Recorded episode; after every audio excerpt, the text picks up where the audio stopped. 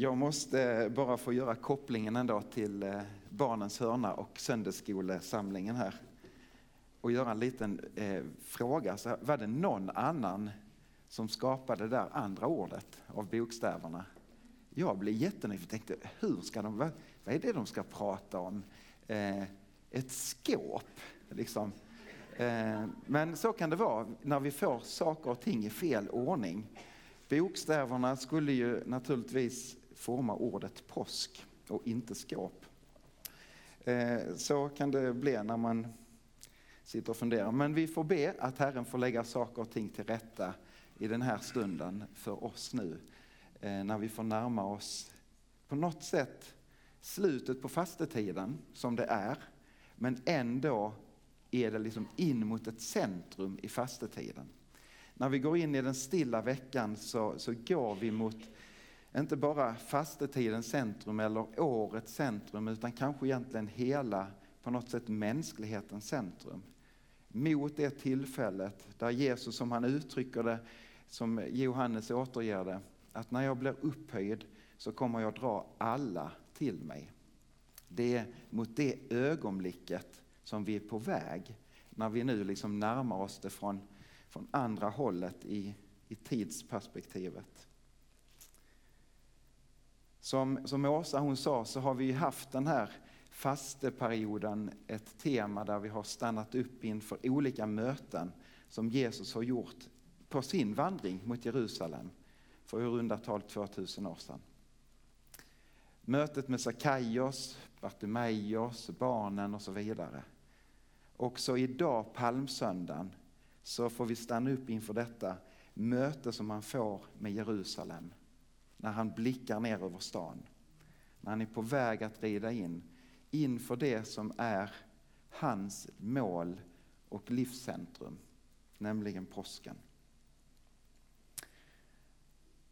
Det är ju inte första gången som Jesus han beger sig upp till Jerusalem eh, tillsammans med lärjungarna. Han har varit där vid andra stora högtider. Han har varit där vid påskarna liksom tidigare, de andra åren när han liksom har vandrat tillsammans med lärjungarna.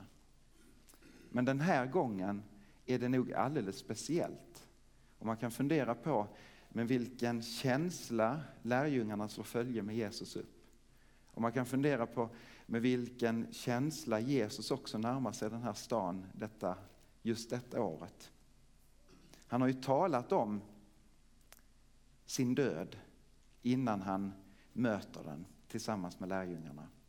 Han har sagt, jag måste gå dit, jag kommer att utlämnas, jag kommer att, att dö. Han talar också om sin uppståndelse, men lärjungarna fattar inte.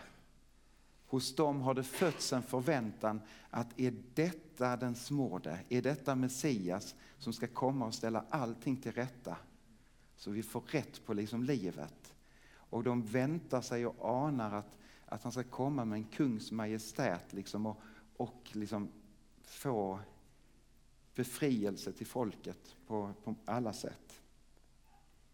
Men när, när Jesus han talar om detta Eh, så vid ett tillfälle så reagerar Petrus och säger nej, gå inte upp till Jerusalem, det blir, blir galet. Och Jesus reagerar starkt mot Petrus och säger till och med så här starkt, alltså, håll dig på din plats Satan. Lockas inte med mig att gå förbi den här passagen i mitt liv, för detta är mitt mål med livet. Ändå så, så går de där tillsammans upp mot, mot Jerusalem. Och så fick vi läsa ifrån Lukas evangeliet om, om det som vi liksom tänker kanske närmst på när vi, när vi tänker på palmsöndagen. Hur han rider in i stan i full glädje. Och, och liksom det, är, det är en sån feststämning i, i Jerusalem så det, jag önskar att vi skulle få uppleva det den glädjen, den förväntan som låg kring de stora högtiderna i Jerusalem. Då hade vi dansat med sparkel. Då hade vi inte suttit lite snällt och betraktat utan då hade vi varit med i festen på ett annat sätt än vad vi lite ibland lite tröga nordbor är. Liksom, mm, vi hör en rytm och så. Mm. så. jag är likadan själv. Men här släpper de loss i liksom fullt mått. Och när de, när de närmar sig staden så hälsar de varandra med, med dans och de slänger mantlar omkring sig och viftar med palmbladen och, och så vidare. Och det är en sån förväntan att närma sig Jerusalem vid, vid de här högtiderna. Jerusalem som, det här är ju, finns ju lite olika uppfattningar om, om hur stan såg ut men, men man kan uppskatta att Jerusalem vid, vid Jesu tid hade ett invånarantal på runt 20, 25, 30 000 invånare. Men i de här stora högtiderna så, så mångdubblas staden. Så att man kanske är 200 000 personer i och kring Jerusalem eh, vid, vid den här helgen. Och det är inte konstigt att, att man slår läger runt om stan för alla ryms liksom inte innanför stadsmurarna. Så de slår upp sina tält och boningar runt om. Också Olivberget som ligger där på sluttningen ner mot templet blir också en plats där, där många människor slår upp sina boningar. Och det är där vi får landa i den bibelläsning vi fick göra tillsammans.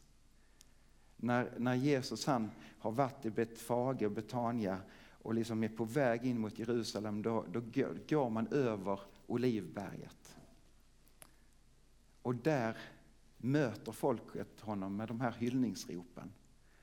Och det är mycket troligt att just Olivberget var platsen där galileerna hörde hemma. Man var så när man var på resande fot att vi är från Galileen, vi slår upp vårt läger här och de kände varandra och de hej och hå. Och så kom man från andra landsändar och då kanske man bodde på någon annanstans utanför Jerusalems murar.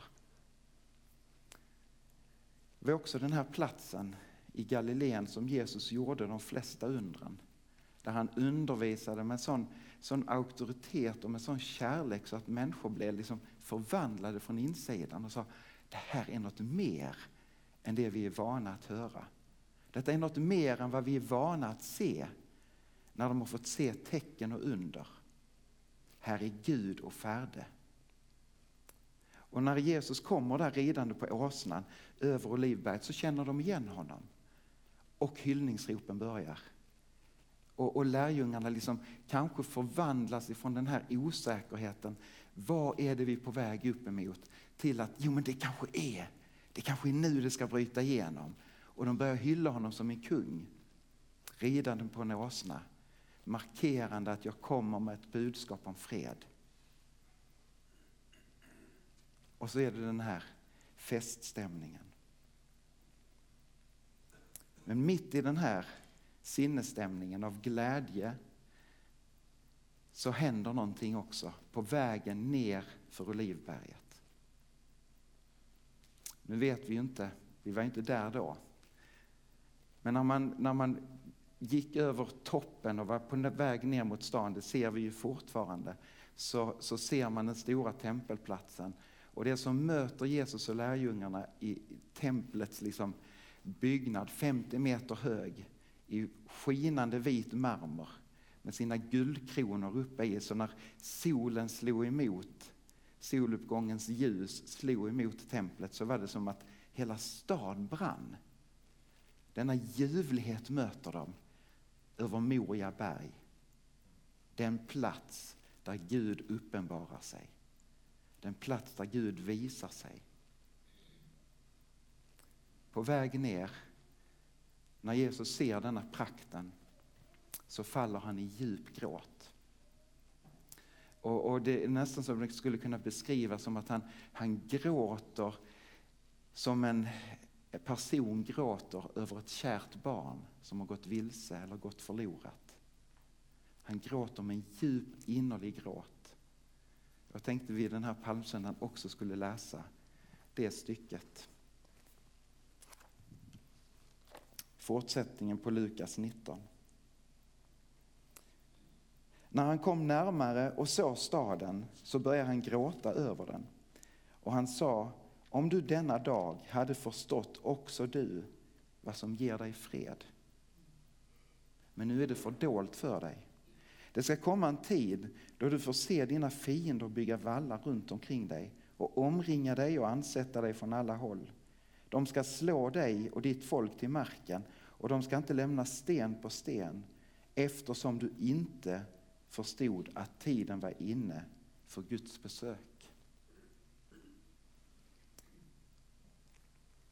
Jesus möter har vi som tema. Jesus han möter, det ligger i hans väsen. Han vill komma oss till mötes. Det blir tydligt när Gud låter sig födas som ett människobarn. Det blir tydligt när han rider in i Jerusalem. Det blir tydligt när han stiger upp på korset och dör för dig och för mig och för varje människa. Det blir tydligt när han uppstår för att vi ska kunna leva i relationen med honom. Och så gråter Jesus över staden och säger, det är för dolt för er att Gud besöker er. Uppe på Olivberget idag så står, jag ska få en liten bild ifrån det som kallas Jesu tårars kapell eller Jesu tårars kyrka. Ibland så omnämns det som gråtens kapell. Nu kanske inte det blir supertydligt för er på, på den här bilden men framme i koret så är det det här fönstret som vetter ner mot Jerusalem över tempelplatsen.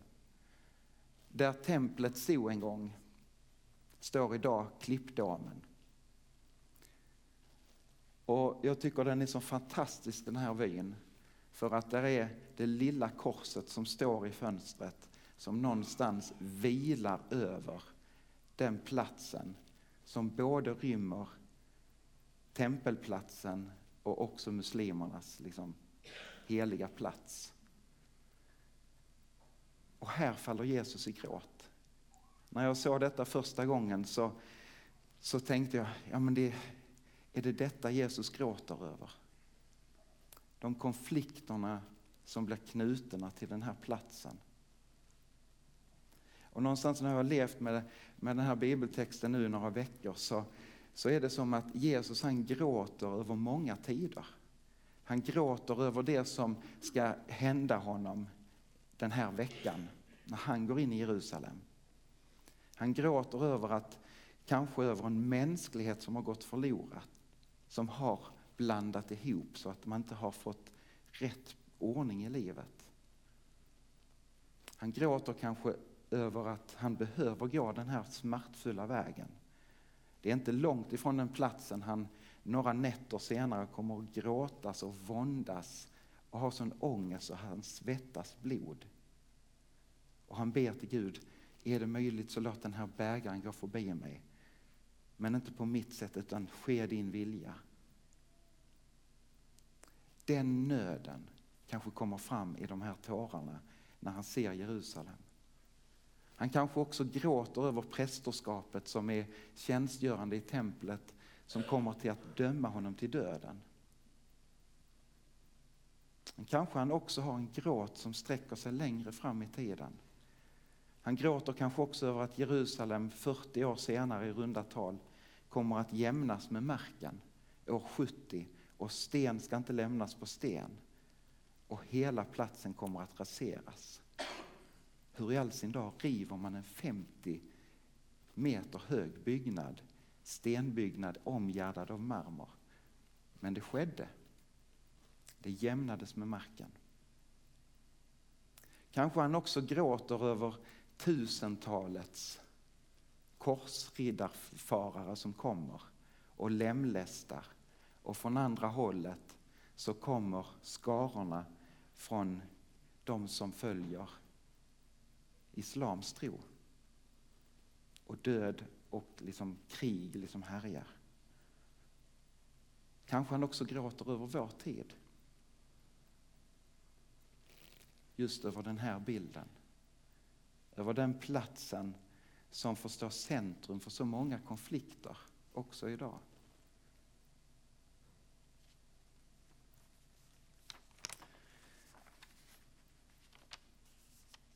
Och så uttrycker han den här våndan.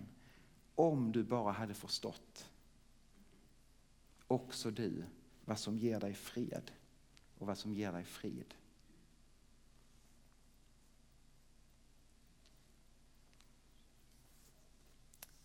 fortsätter vi in i veckan, morgondagens händelse i, eh, i stilla veckan. När vi läser det i Lukas så är det som att det sker samma dag. Det, det vet vi ju naturligtvis inte helt hundra, men, men då går Jesus in i staden. Och ganska direkt så kommer man till templet. Och han stiger in i templet. Och jag vill också läsa därifrån. Lukas 19 och 45 och framåt.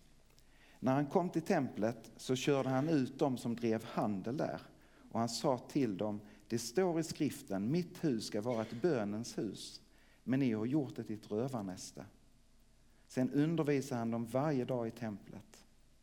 Översteprästerna och de skriftlärda och alla folkets ledare, de försökte röja honom ur vägen, men de visste inte hur de skulle göra, för han hade hela folket med sig och alla lyssnade på honom. Här tror jag också det röjer till ordentligt. Och det, jag tror det här är förknippat också med den gråten Jesus gråter på Olivberget. Över hur vilse folket har gått. Och så har man omvandlat det som skulle vara bönens hus och bönens plats, mötet mellan människa och Gud, så har man förvrängt det och kommit sig vilse när man har gjort det till en, en handelsplats. Köp dig ett, dina får är inte tillräckligt fina utan du måste köpa här och sen så helt plötsligt hamnar de i lite business som Jesus reagerar på. Han driver ut månglarna ut ur templet. Det är nog inte så, fy på er, ni kan gå ut, utan det härjar nog på. Han reagerar starkt. Och så säger han, håll er vakna. Håll er vakna så att ni ser vad som ligger på Guds hjärta. Så att ni ser att jag är i ett möte med er. Jag är på väg att stiga in.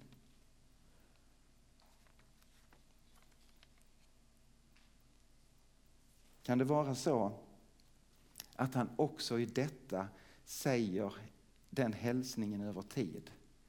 Man kan fundera på hur kunde kyrkan på 1000-talet tillåta sig att bli en maktfaktor i, i krig och, och härjande. Och så är det en vånda hos Jesus. Varför använder ni mitt namn för att förleda folk? Moria berg, Tempelberget, där Abraham gick upp för att offra Isak. Och som muslimerna tror han gick upp för att offra Ismael.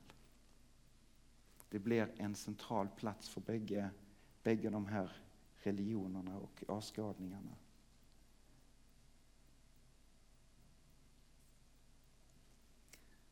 Likväl som han behövde säga till kyrkan på 1000-talet eller på kring år 30 så tror jag han behöver säga det till kyrkan idag och till dig och mig. Håll er vakna.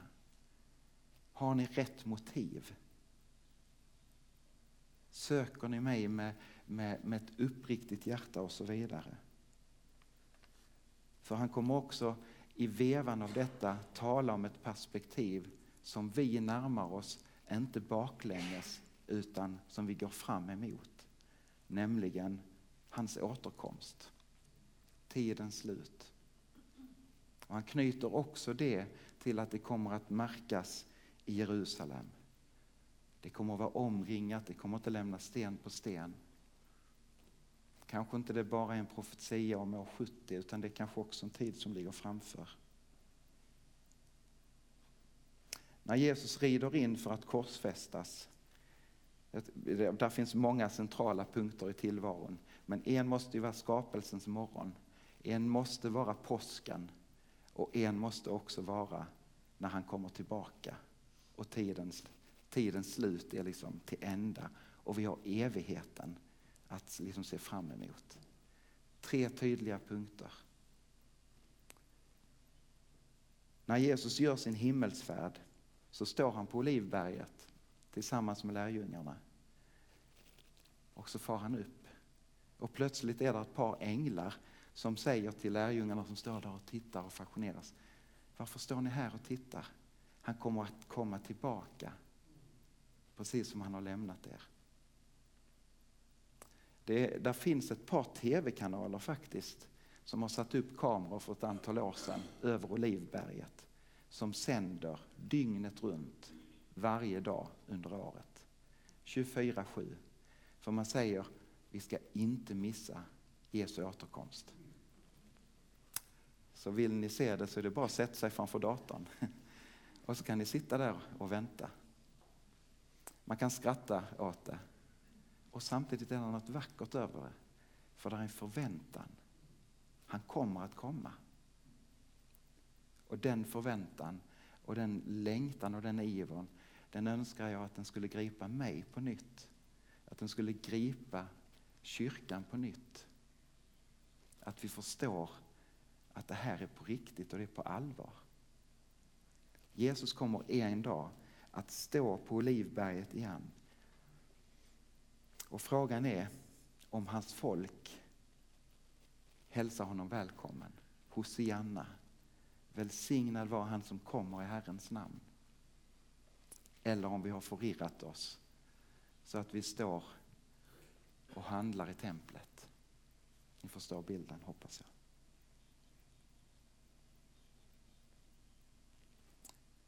Därför så tror jag att det är viktigt att vi om och om igen får ta emot Jesus in i våra liv och säga rid in i mitt liv igen. Jag vill motta dig med jubel och med glädje, med förväntan.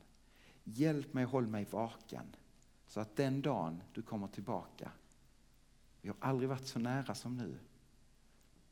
Må hända, kanske, det här vet jag ingenting om, men en generation kommer att vara den sista generationen som inte kommer att möta döden utan kommer att få, få leva som vi gör när Jesus kommer tillbaka.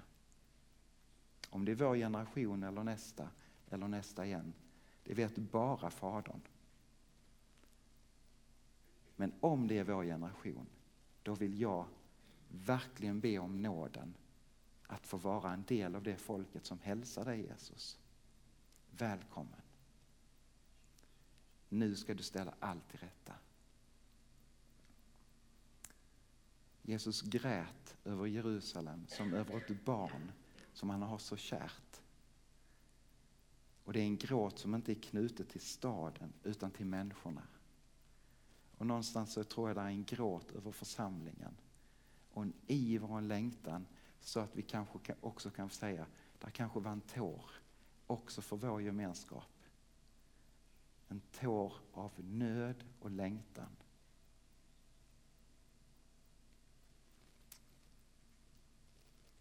Ja, det blir inte den här festliga stämningen precis. Men glädje kan också vara allvarligt. Kan vi inte bara få stå upp tillsammans och, eh, och säga ett nytt välkommen Eh, till vår gemenskap personligt in i våra liv och säga rid in här på nytt Jesus. Gör det som du vill. Är det saker som behöver rensas så gör det Herre. Visa på vad som är, ligger på ditt hjärta och hjälp oss att hålla oss vakna. Jag önskar att du vill vara med i den bönen.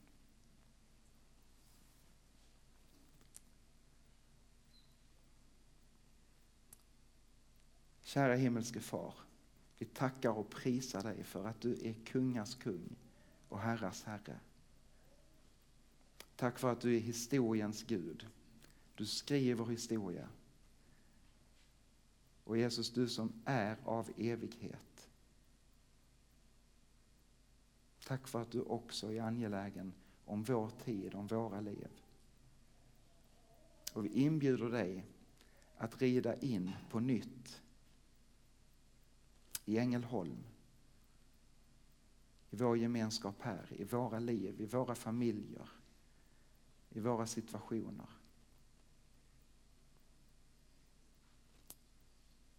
Hjälp oss att vara vakna, Herre.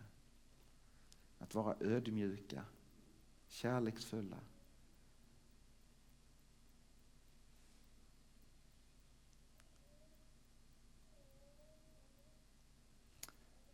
Och Jesus förbarma dig över vår värld och vår tid. Om också vi hade förstått vad som ger oss fred. I Jesu namn. Amen.